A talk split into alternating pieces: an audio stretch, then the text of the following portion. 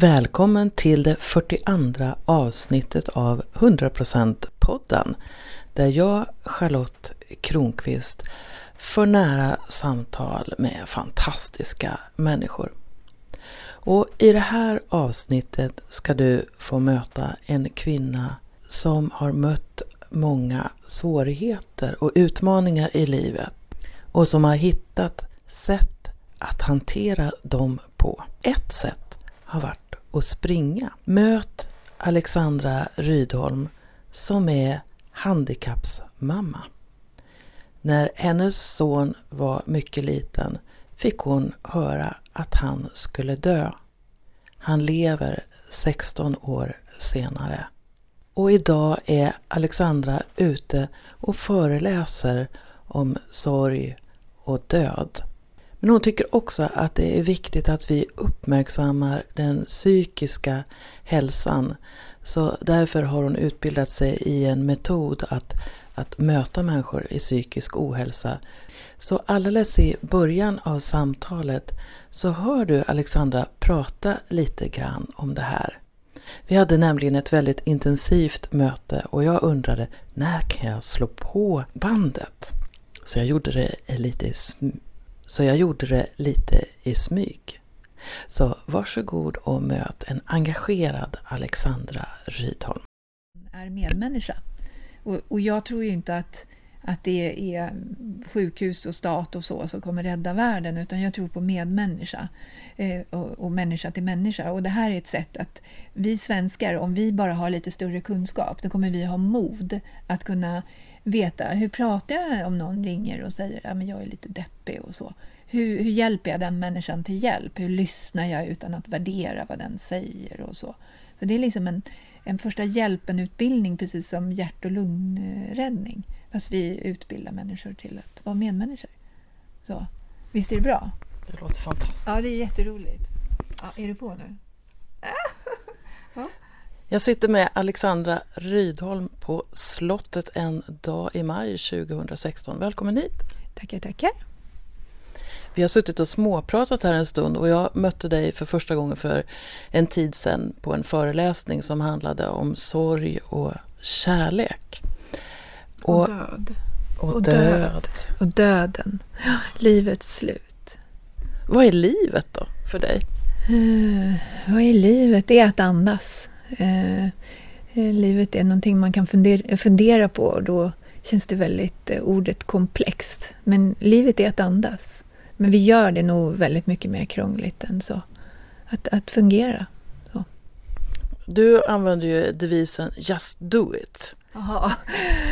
Ja, det är, nog, det, det, är nog med viss humor jag gör det. Men, men det är ju, jag tror att det var Nike som gjorde Eh, Eh, den eh, reklamen. Och jag tycker reklam, alltså det var tidigt budskap var det ju, det var innan vi började citera och ha inredningsdetaljer där det stod carpe diem och så. Och att, att göra utan att tänka är väl det, just do it liksom. Men sen är jag löpare så att det är liksom just do it är när man har sprungit en mil och är lite trött och då ska man springa kanske tre till. Då, då är det, ja just do it. Hör jag någonting om eh, att kämpa i det? Kämpa, då låter det som... Eh, och, och det får vi göra. Eh, kämpa får vi göra hela tiden. Men kämpa kan... Det behöver inte vara negativt att kämpa. Kämpa är att många gånger när människor tror att de är trötta så finns det 80 gånger mera kraft. Fast vi vet inte det. Vi, vi, många gånger tror jag att vi hindrar oss själva med våra tankar. Alltså det är ju det att man tänker jag orkar inte, jag kan inte eller jag är dålig. Alltså, det är otroligt många murar vi bygger upp för oss själva innan vi säger nej men fan, jag måste göra det, jag måste, jag klarar det här. Jag orkar liksom kämpa. Livet är ett lidande, det är ju inte en dans på rosor. Det är en kamp. Du låter som Buddha nu. Alltså jag har han sagt så. Jag, jag är så här, de senaste åren har jag, jag har en hel bokhylla full av böcker som Alltså de mest fantastiskt kloka människor har skrivit, men jag hinner inte läsa. Eh, det fanns en tid när jag inte hann läsa, men idag väljer jag inte att läsa utan jag är ju helt beroende av människomöten, att möta människor, att, att få till ett samtal, att vara nyfiken. Vad, vad, vad, har den här människan att berätta? Vad kan den lära mig? Så idag så ser jag att mina böcker är istället levande människor på ben som går omkring och har små berättelser som jag läser sen liksom, via samtal. Det låter spännande. Ja, och, och Buddha måste ju varit klok för han säger mycket saker. Jag fick mitt första Buddha-huvud igår i present av mina vänner och då skrattade vi åt att jag inte hade något. Så, så att, ja, jag kanske har något halsband men ja, han var väl klok. Han är ju väldigt citerad i alla fall. Jag kan, kan inte så mycket om honom men, men jag tror att det finns en del kring att, att livet att det ingår lidande i livet och, och att... Eh, Precis, jag kommer ju verka extremt obildad och det är jag säkert. Men, eller nej, det är jag inte. Det är bara att jag har för mycket information i huvudet. Men Buddha han satt väl väldigt länge, mm, precis väldigt länge. Eh, då kämpade han med sin vilja att sitta där. Så att, eh, det är ju en bra symbol då. En bra människa att tänka lika som då, faktiskt. Och jag tänker det här som att du säger eh, kraft. Mm. Alltså kamp kan ju ha mm, en, en känsla av att, att, att det är jobbigt. Mm. Men, men kamp kan ju också vara för en god sak eller mm. så. så mm. Det finns säkert flera valörer i det. Mm. Men jag tyckte det var så fint att du sa det här med att söka kraften och att känna att vi har mer kraft än vi tror. Mm. Och jag har upplevelsen i, i livet att, att någonting, om någonting är fysiskt jobbigt. Mm. Just, så, så, men vänta nu. Vad är det som säger att jag inte kan mer? Jo, det är en röst i huvudet mm. som, som i mitt fall ofta säger så här, Charlotte, spara på krafterna, du kan behöva dem lite senare. Ta inte ut det eh, ordentligt, bli inte helt slut. Men så jag tänker mig att du som, som löpare eh, kanske har fått tänja ut det där och, och ta mm. det lite till det är ju, alltså som identiteten löpare har jag ju fått, men jag tycker inte om det i och med att idag har det blivit så osunt det här med att folk springer och tränar sönder kropparna. Och jag, kan, jag, jag, alltså jag kommer ihåg när man gick i skolan, jag ska komma tillbaka till ditt spår där, men jag kommer ihåg när man gick i skolan så var det en väldigt liten procent i varje klass som var idrottare. Har, har det ändrats? Är alla idrottare nu? Det var en sån liten procent som var sportiga och och, och sprang. Ja, nu tappar jag tråden. Men, men, men eh, eh, som, som löpare blev jag därför att eh, jag hade sjuka barn. Och eh, det fanns ingen tid för motion. Och jag har jag hållit på med idrott i, i större delen av mitt liv. I, kanske inte för att jag var sport... Jo, det, jag hade, min bästis var bäst i Sverige på sin sport och då hängde jag med henne och då fick man träna. Så så kom idrotten in i mitt liv. Att, men, men eh, nej, jag tappade tråden där. Ja. Nej, men du, ja. du, du sa att eh, att du hade sjuka barn. Ja, just det. Jo, just det. Ja, men det kommer ju från att, att, eh, att motionera mår vi bra av. Och om man har mycket och är väldigt stressad, då är det liksom andningen ganska hög. Eh, särskilt om, om det är så att, att, att det är väldigt mycket svårigheter runt omkring en. Då kan man gå ut och springa när som, dygnet runt. Det, du behöver inte gå någonstans, du tar bara på dig dina skor och ger dig ut. Om det är så klockan 12 på natten. Så att, så att för mig har löpningen varit, det har räddat liv, det har räddat mig. Att det, det har varit att stjäla en tid för mig där en timme eh, var en lyx. Och att, att då märka att när jag är helt trött i själen säger ändå min kropp, jag vill springa. Och liksom, jag har upplevt och sett naturen i den där tröttheten. För till slut kommer man dit, att man, man är bara, man, precis som jag började, man andas. Och det gjorde jag i löpningen. Jag andades in livet. Sen att jag hade neonfärgade kläder, eller det, hade jag, det fanns inte på den tiden när jag började, men det, det spelade ingen roll, utan jag sprang för livet. Liksom. Och i det så sprang jag också i naturen, där det, det blommade eller var halt och, och så. Eh, så, så. Och då lärde jag mig också att gud, jag kunde vara jättetrött och liksom knappt snöra skorna för att jag var så utmattad. Men ändå så kunde jag springa en mil. Go figure liksom. Och när jag kom hem så borde man vara trött, men det var jag inte. Utan jag var medveten om att jag är mycket starkare än vad jag tror. Liksom. Det, det finns, alltså, jag insåg att, att, det, att jag fick känna den där kraften, att det fanns en styrka där som jag hade levt, alltså typ, det här är ju i 30-årsåldern så, eh, så det, vi pratar ändå om liksom 15 år tillbaka i tiden. Men jag fick liksom en känsla att den här kraften har funnits i mig hela tiden. Och tidigare kanske jag har sprungit en sträcka och lagt av, men jag lärde mig att shit, jag hade kunnat springa 50 till. Alltså, det är helt otroligt. Och det är ju, det är ju bra att kunna det, att veta att okay, vi har alla massa dolda växlar som vi väldigt sällan hittar. Ett ord som snurrar i mitt huvud när du säger det här är att du skapade andrum. Ja, ja ett, en, en tid för mig. Att jag tror att vi...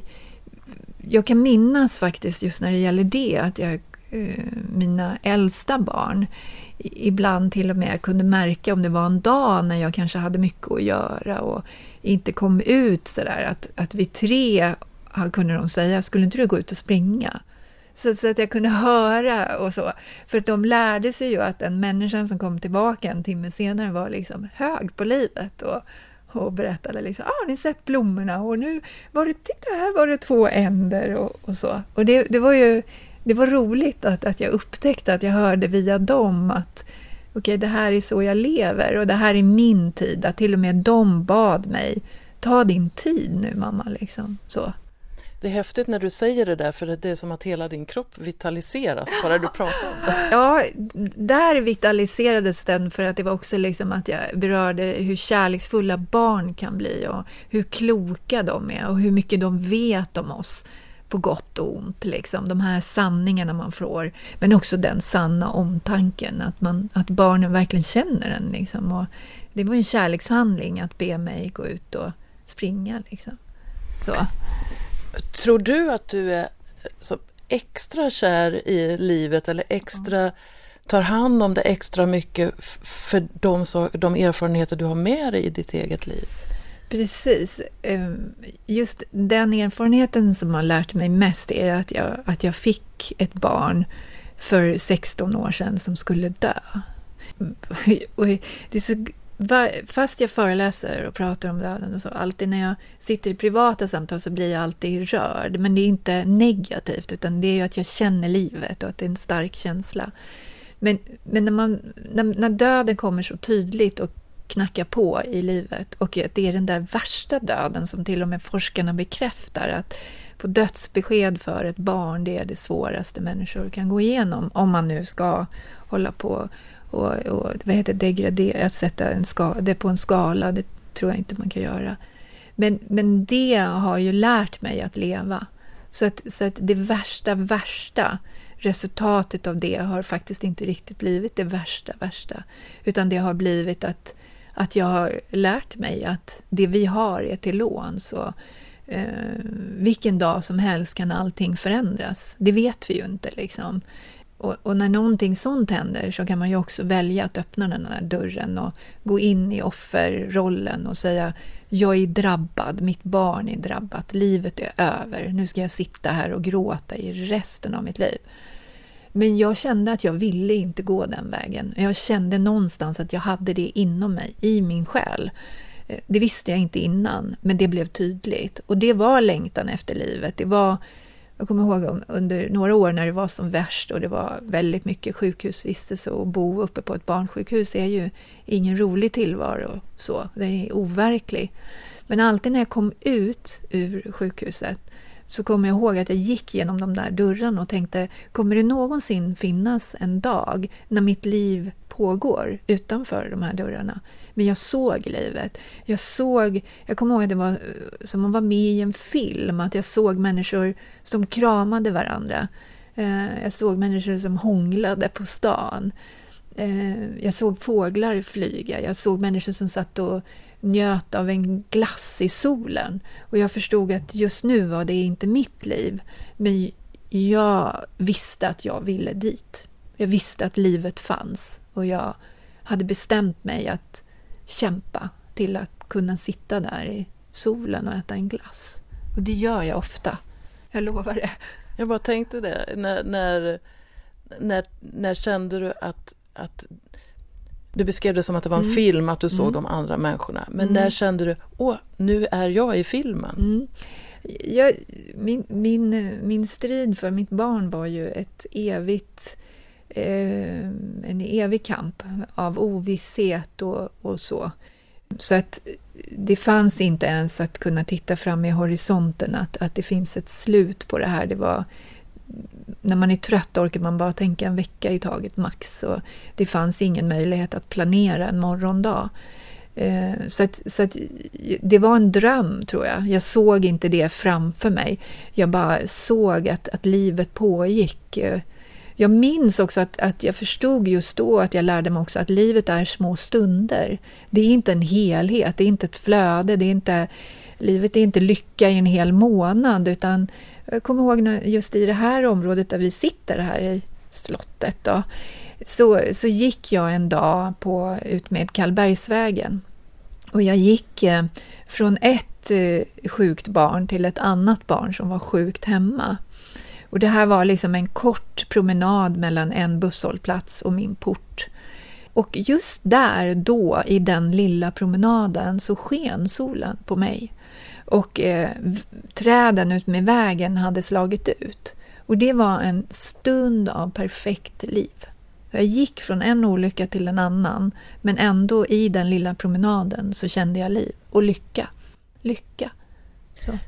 Det här att, att verkligen kunna ta emot det och vara mottaglig för det och inte vara fast i dina tankar. Det måste vara en enorm styrka hos dig att verkligen kunna ta emot livet i ett sånt ögonblick. Ja, det vet jag inte.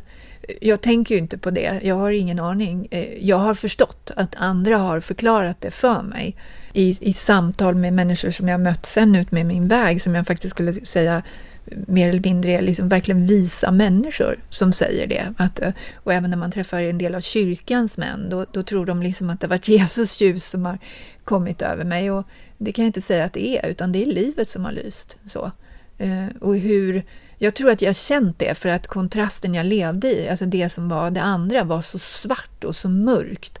Och, och, och, och även om man var där, för det gick inte att, att fly ifrån det, utan det var bara att stanna där och försöka andas. så. Men, men jag såg det andra livet, det var där. Och jag visste att det fanns kvar. så Faktiskt. Och så kommer du och hälsar på ibland och gör sig påmint med en solstråle kanske. Mm, och, och det har jag med mig. Och det har jag tagit med mig även idag. Eh, liksom, den här berättelsen om, om, om min son Edvard, är ju, han är 16 år idag. Han är äldst i världen och är en överlevare. Så att livet blev väldigt annorlunda. Men han är ju min läromästare. Han har ju lärt mig att, eh, att livet är de här små stunderna. Och, och det är jag jätteduktig på. Alltså allt från, alltså löjlig, jag är löjlig, jag vet det. Men eh, det betyder inte att jag inte har dagar när jag är jätteledsen eller att jag dagar när jag inte alls tycker om att kamma håret eller så. Jag gillar inte när folk som säger att jag har listat ut något och sen så går de och beskriver det som det skulle vara en varje dag att de lever upplysta. Nej, det funkar inte så. Men däremot så kan jag vara så tacksam för att bara ha tvättat ett fönster. Jag behöver inte tvätta alla 16 fönster eller hur många det nu är, men ett räcker. Och så kan jag gå och titta ut genom det fönstret och tycka shit vilken utsikt liksom. Så det, det, det vet jag att jag, eller jag, och jag vet också att jag har nog blivit så att jag har blivit en livsnjutare. Så att jag kan till och med liksom ha massa problem jag behöver lösa med, med livet så, i vardagen. Men ändå så kan jag på lunchen få en tomat som är sådär precis som en tomat ska vara. Man stoppar den i munnen och den exploderar och då blir jag pinsamt glad. Då får jag liksom nästan hejda mig för att jag förstår, okej okay, du sitter bland folk, det är bara en tomat, men det kan göra mig lycklig. Och människor, människor, alltså kärlek, alltså människor, det behövs inte, det behöver inte, jag har inte haft tid att ha så många långa djupa relationer med vänner och så, även de jag har känt i hela mitt liv. Men jag kan bli tacksam för den på 7-Eleven eller damen i morse på Konsum som, som inte har sett mig på flera månader men som kom fram och klappade mig på min axel. Så då tänkte jag så här, okej, okay, hon har också haft de där samtalen. Det är inte bara jag som har haft dem med, med henne. Det gör mig glad. De medmänskliga mötena, det gör skillnad. Det, Det behöver inte vara en, en snygg man som, som kysser mig eller så, utan det räcker med damen på Konsum, att hon frågar hur har min dag varit? Då blir jag glad.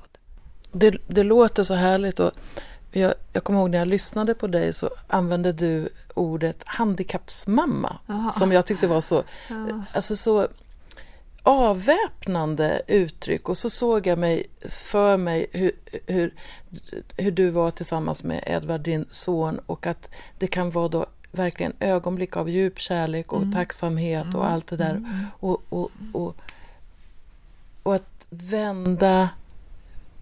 Att du, det känns som att du hittar liksom sätt att verkligen ta vara på de ögonblick. Nu, nu fungerar det. Eh, nu, nu ser jag hans ögon. Nu Mm. Ja, vad det nu kan mm. vara för liten sak. Mm, det, mm, det där är ett, nummer ett är så att jag säger handikappsmamma för jag säger att när jag kom in i den här världen så är det så att det var så mycket jag inte förstod. Eh, så att handikapp är ju ett ord vi har lagstadgat att man inte ska använda. Så man ska säga att min son är funktionsnedsatt. Men jag har inga fördomar mot min son. Jag älskar honom. Så jag tycker inte om att vi behöver lagstadga till att vad vi kallar mm, människor. Alltså, det, man får inte säga homosexuell eller man får inte säga det, man får inte säga det. Man, jag tycker att vår rädsla för att använda ord eh, påvisar våra fördomar. Det, det är just att vi är så rädda för ordet och handikapp är ett sjukt skrämmande ord. Men, men handikappsmamman var ju en identitet, en ny identitet som jag fick väldigt oväntat. Och eh, den, den, eh, jag vet att, att många gånger så, så pratar jag om vad Edvard har lärt mig. Men han har ju gett mig oerhörd sorg. Han har gett mig oerhörd förtvivlan, hjälplöshet. Han har lärt mig om en sida av samhället som få har sett. Han har eh, lärt mig att inte alla slåss för de svaga. Han har lärt mig att jag inte varje, alltså varje dag måste jag gå och lägga mig med ett öga öppet och se till att hans mänskliga rättigheter blir eh, respekterade. Det, det, har han lärt mig. Så att jag kan alltid enkelt gå i, och, och förklara allt det positiva han har lärt mig. Men det positiva han har lärt mig är ju något jag bär med mig varje dag i allt jag gör. Men ändå så, så är jag väldigt, för mig väldigt viktigt att också våga prata om det svåra. Att, eh, att sörja ett barn som aldrig blev. Att sörja ett barn som skulle dö men inte dog. Vad händer när döden har sagt att den ska komma och inte kommer? Ibland kan ju längtan efter döden också vara en längtan att någon ska befrias från smärta. Och det är sådana saker som är svåra att prata om. Och, eh, jag känner även när jag är med människor som bör, tycker jag, kunna det där. Och jag har verkligen varit och letat bland människor som vågar prata om sådana här saker. Men jag märker att vi har svårt att prata om det. Så just när man är handikappsmamma, då ska man ju... De går ju omkring allihopa och är jättetrötta. Och ändå så ska de säga väldigt positiva saker om sitt liv för att nästan trösta andra. Så att det blir lättare för dem att bemöta dem. Men det är ju väldigt mycket sorg och smärta som är, är, är dolt i de här mödrarna och familjerna. Hur hanterar du din egen sorg? Och gud, jag tycker att jag har gjort det genom att jag har gjort så mycket positivt av den. Att jag har inte bara slagits för min son, att han ska ha, ha, få det fantastiska liv som han har idag, utan att jag också har fått hjälpa andra och andra familjer och andra barn som inte har haft kontakterna eller kraften eller orken liksom, att, att göra det. Så att jag tror att jag använt sorgen till att göra någonting mer än så. Så att när jag tittar på den så känner jag så här, okej, okay, där sitter du och stirrar mig liksom, och du finns med mig, du bor med mig. Det, det, det går ju liksom inte att lämna den hemma utan den, den är ju en del av mig. Men jag har gjort eh, den, så mycket positivt ur den att den inte gör ont att bära. Den gör inte ont. Och det trodde jag aldrig jag skulle komma till. Att jag kunde titta på Edvard och pussa på honom och lukta på honom och säga Fan, tack för att du har kommit till mig. Men jag kommer aldrig säga att jag inte längtar och önskar att det inte hade hänt honom och att jag önskar att, att han inte behövde kämpa så i livet. Att jag önskar att han kunde springa, att han kunde massa saker. Men min son, han är glad. Han vet inget annat. Han har också fått en funktionsnedsättning som befriar honom från att tolka andras blickar på honom. Liksom. För vi stirrar på dem som är annorlunda. Så. Men han har inte ens förståndet att se det. Så jag är så glad att han kan rulla runt och låta och liksom se hur folk tittar på honom som att han vore... För det är inte bara fina blickar, tyvärr. Så. Men han slipper känna dem. Liksom.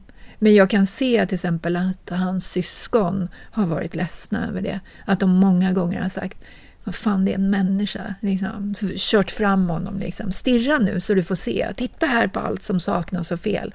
Men, men liksom det är min bror du tittar på och det gör ont i mig. Liksom, så. Men, men, men eh, det är en tråkig verklighet som många inte vill prata om, utan, eh, men den finns. Liksom. Jag tänker att du, en, en gåva som du har fått är att du får livet på huden på något mm. sätt. Och också har fått en möjlighet att integrera olika saker som människor skyr och mm. tycker är svårt. Mm. Som put, putta undan sorgen, mm. kanske frustration, mm. ilska eller mm. det kanske funnits ögonblick där du har känt det är orättvist eller mm. vad det nu än är. Men ja, du, men du har... för det har det varit. vad roligt att du säger så. Ja, och det, och det är helt okej att tycka att livet är lite orättvist. Jag tycker livet är lite orättvist.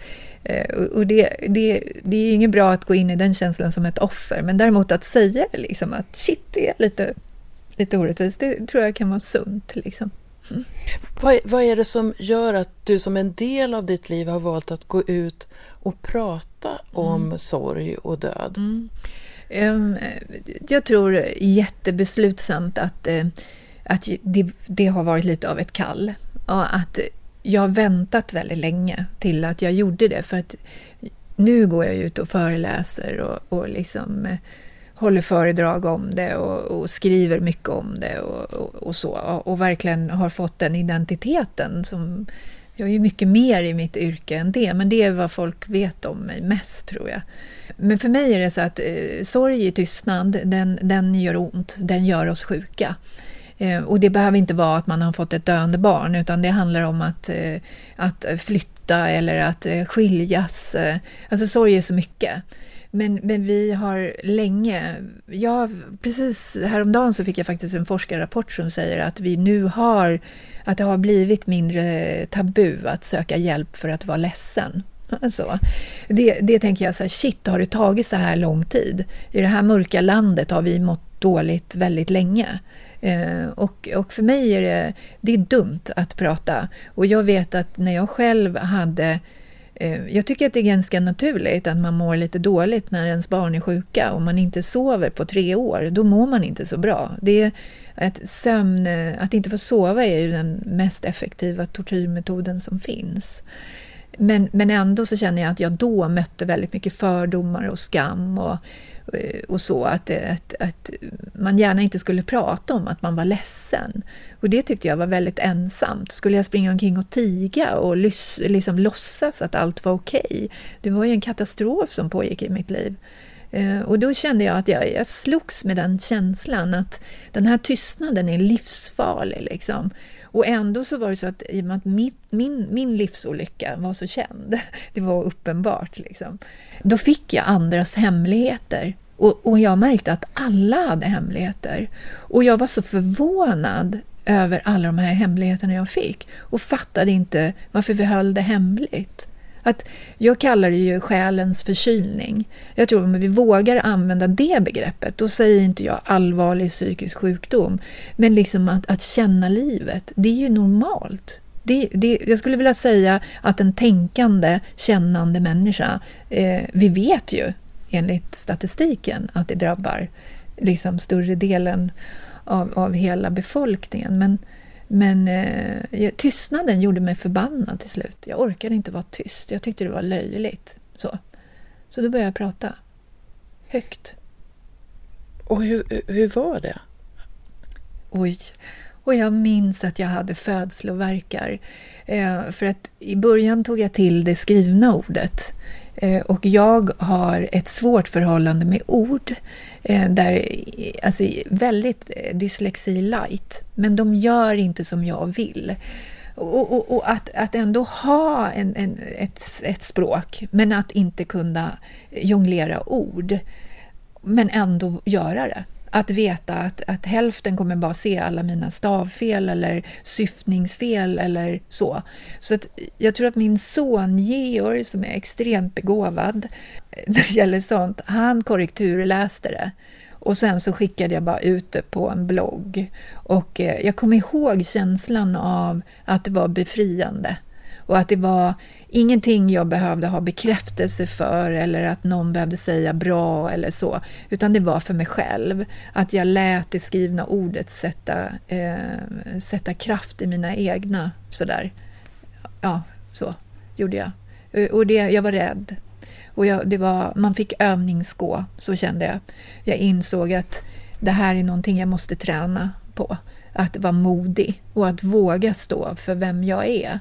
Och, och, och sen efter det också göra andra val i livet. Vad vill jag jobba med? Vad vill jag, vad vill jag stå för egentligen? Jag vill förändra världen. Jag vill vara med. Och då tänker jag när du utsätter dig ändå för det här, för verkligen för en mm. god sak. Mm. När har du möjlighet att få tröst eller få någon som håller dig en stund eller där du får vila? Ja, det är väl lätt så att, att många människor som blir lite idealistiska, att man, man, man brinner i båda ändarna. Men nej, jag har lärt mig det. Liksom.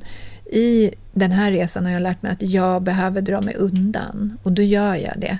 Och alla som känner mig, de retar ju mig för att jag, då är jag ensam.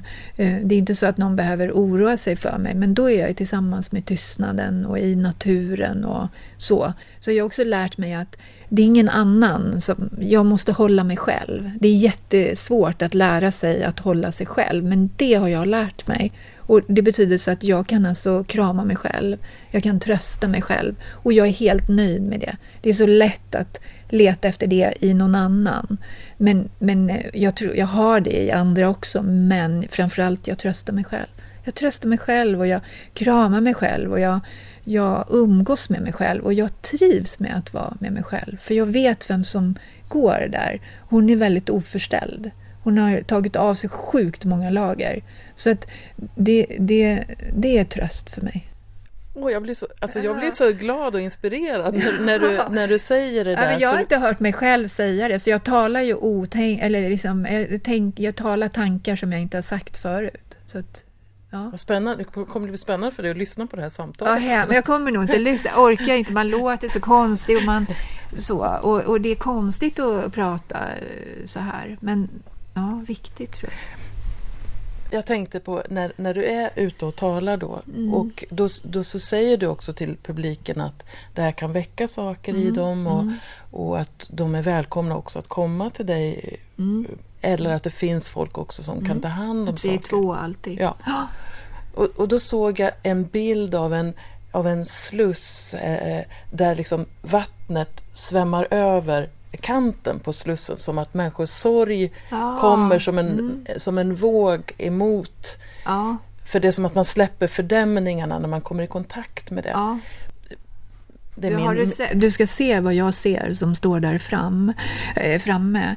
Det är svårt. Alltså det är verkligen svårt. Det krävs, jag står ju där i kärlek. Jag står inte där för att någon ska... Jag tycker inte om jag vill inte att någon ska applådera, jag vill inte ha någonting sånt. Jag vill bara att de ska lyssna. Och inte lyssna på mig, men genom att jag står där så ska de lyssna på sig själva. Och sorgen kommer, den där fördämningen liksom som sker i ett helt rum av människor som sitter i tårar. Och jag ser ju alltid i vilket parti de blir berörda eller när det kommer. Eller en som sitter med armarna i kors i en timme och sen precis när det är fem minuter kvar, då händer det. Så. Eh, och jag vet att jag eh, säger att de gärna, för jag vill inte lämna dem ensamma. Det är ju det som gör mig så arg, att människor som går igenom prövningar, att vi lämnar dem ensamma. Att vi har fått det konstiga beteendet.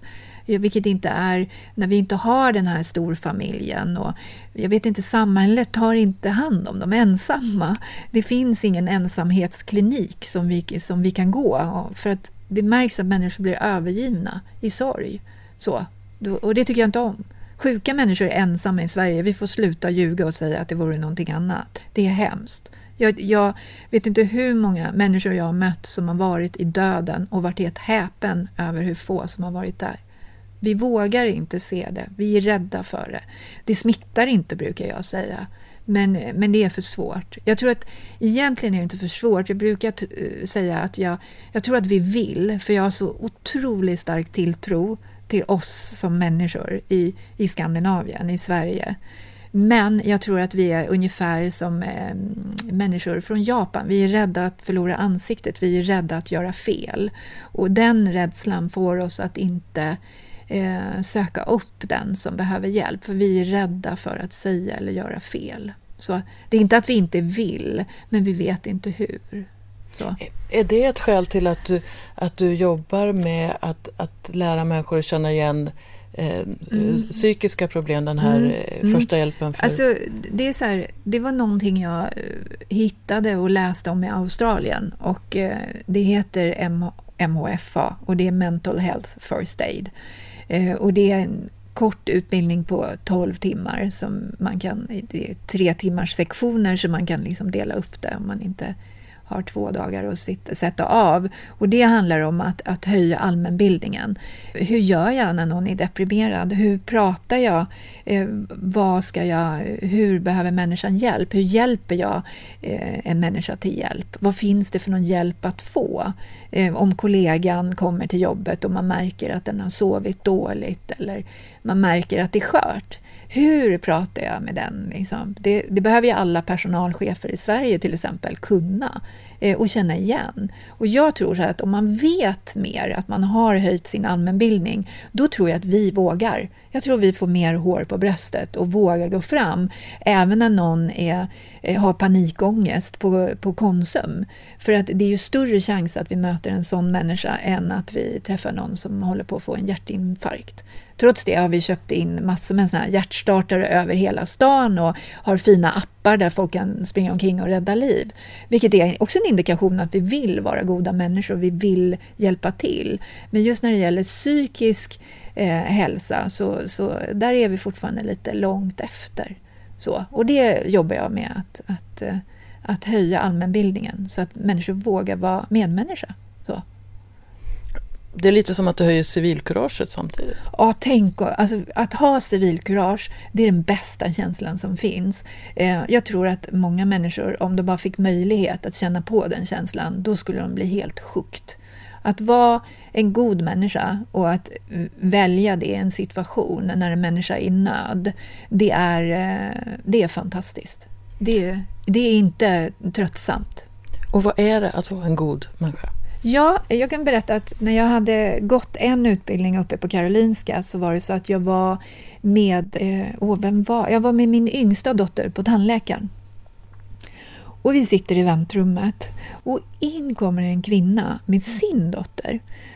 Och, man kan se kroppsspråket, att det var stirrigt, det var gränslöst, det var, hon pratade högt och hon lämnade väskan på ett ställe och gick fram. Liksom, det, det var någonting i henne som man känner intuitivt när jag såg hennes kroppsspråk, att det är något som inte är bra här. Så. Och, och sen så hörde jag henne högt säga att min hund har precis, vi fick somna in i natt och, och så. Och, och, den här tandsköterskan tyckte, ja, hade väl inte någon hund själv. Så jag såg att hennes bemötande var bara irriterat och, och hon höll typ på att bryta ihop. Hennes liksom en hund. Jag har ingen hund, men jag såg att hennes bästa vän hade somnat in och hon var för sen till ett tandläkarbesök. Då gick jag fram, eh, bemötte henne på ett sätt genom att, och, som jag har lärt mig, hur jag bemöter en människa i kris. Eh, och samtidigt sa till personalen att ha respekt för hennes situation. Och hon är tio minuter sen, det är inte hela världen, hjälp henne. Så jag var pigg, utvilad och jag hade pondus att säga till en människa som hade gjort fel utan att vara oartig. Och fick henne att andas lugnt, sa till att ta det lugnt, sätt dig ner, jag förstår. Och, och sen fick hon berätta. Och även min dotter kom fram och och liksom, jag glömmer aldrig det att Jossan också har lärt sig så mycket så att hon satte sig i kroppen på rätt sätt och, och satte sig nere, inte sådär ställde sig, utan hon satte sig på huk och lyssnade på hennes berättelse. Och sen började hon andas och hennes dotter och hon gick in till tandläkaren. Liksom. Det, jag vet inte vem hon är och jag träffar henne inte igen men, men eh, sådana saker är viktigt. Det är bara så vardagliga saker. Jag brukar sluta de här samtalen mm. med... Är det slut nu? Vi kan ju hålla på i 80 timmar. Eller hur? Ja, det här är ett löjligt. Jag har ju missat allt viktigt. Och, ja, nej. Mm. Jag brukar sluta med att den jag pratar med kan få ge något tips mm. om ehm, ett steg som man skulle kunna ta för att vara mer i livet eller någonting som i din erfarenhet kan Mm. Vad kan vara ett bra sätt till exempel att möta svårigheter i livet? Att möta svårigheter i livet, det är att låta dem vara och låta dem ske och låta det kännas. Och att inte fly ifrån det. Liksom. Det gör ont, livet gör ont. I olika saker i livet gör riktigt ont. Men det är okej. Okay. Och liksom smärtan går faktiskt över. Så att man har tålamod med tiden. Och att man också ser det jag tror på, att det är i prövningarna vi växer. Det är inte en klyscha. Det kan man gärna skriva på min vägg. Liksom. Vi gör det för att vi tvingas komma nära oss själva på ett avklätt sätt och andra att vi gör det också, för det blir så. Och, och då blir vi starka. Liksom. Jag, jag, tycker vi ska sluta att gömma våra skavanker. Vi ska sluta att, att, att liksom, allt det där dumma som vi visar upp, det är ju bara så här fjädrar. Det är ju bara, vad heter det, sådana här fina fjädrar. Det är, det är ju bara en kostym. Liksom. Men det är inte intressant. Det vi behöver är riktiga mänskliga möten. Så att någon, om du är ledsen att jag kommer hem till dig och tar på dig och tittar på dig i ögonen och säger så här, vad fan, jag kände med dig. Så, eller bara sitter tyst. Liksom. Det, det, jag tror inte vi kan rädda världen. Jag har sett, jag har rest i svåra i, i, länder och mött utsatta barn på ett sätt i Moldavien och Vitryssland. Och jag har sett svält liksom, på nära håll och, och, och fruktansvärda saker. Men även i det, i såna, liksom, världen förändras genom medmänsklighet och att vi berör varandra. Att vi vågar visa att vi behöver varandra också. Vi behöver varandra. Ja, det gör vi verkligen. Ja, vi behöver varandra. Vi kramas här. Ja, vi kram. ja, vi kram. Tack så hemskt mycket ja. för att du kom hit till, till slottet ja, idag. Ja, det är jättefint i slottet. Det var så härligt att möta Alexandra Rydholm på tu hand. Och precis som hon säger i slutet av samtalet så hade vi kunnat fortsätta hur länge som helst. Och du kan ju också fundera på hur är du i din medmänsklighet? Hur möter du människor som har svårigheter? Och hur bra är du på att ta hand om dig själv? 100%-podden är ju mitt, Charlotte Kronqvists projekt för att bidra till mer kärlek i världen. Mig träffar du bland annat på min hemsida charlottekronqvist.org och där har jag webbkurser eh, för dig som vill bli mer du. Och i sommar så kan du också möta 100%-podden live på Tantrafestivalen på Ängsbacka www.ängsbacka.se Om du vill gå på Tantrafestivalen så, så kan du få 10% rabatt på festivalbiljetten om du använder koden LUST16. Jag hoppas vi ses och hörs i sommar och till dess, simma lugnt.